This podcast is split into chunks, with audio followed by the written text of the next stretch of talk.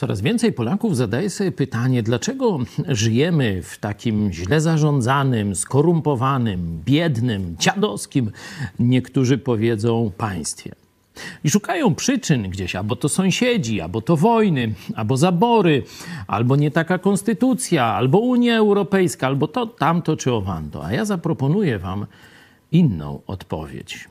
Znajdziemy ją w księdze Izajasza. Otwórzmy ją sobie, jeśli macie Stary Testament. E, tam Bóg mówi do Żydów, do narodu i państwa i pyta ich: W co jeszcze można was bić, gdy nadal trwacie w odstępstwie?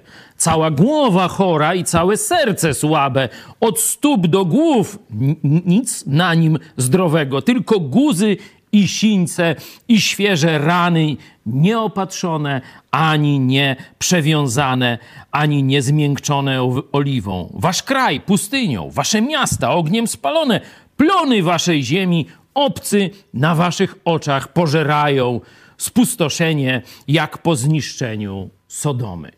Oczywiście jeszcze aż tak strasznie w Polsce nie jest, ale wiele z tych opisów pasuje do stanu naszego państwa.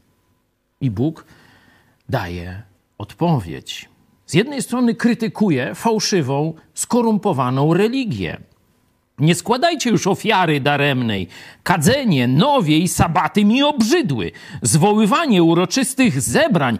Nie mogę ścierpieć świąt i uroczystości waszych nowiów i świąt. Nienawidzi dusza moja. Stały mi się ciężarem. Zmęczyłem się, znosząc je a potem pyta, a raczej wzywa. Chcecie zmiany waszego lot, losu doczesnego? Obmyjcie się i oczyśćcie, usuńcie wasze złe uczynki sprzed moich oczu. Mamy skorumpowane państwo i naród, bo mamy skorumpowaną religię i mamy skorumpowanych duchowo ludzi. Odnowa moralna i duchowa jest kluczem do zmiany państwa.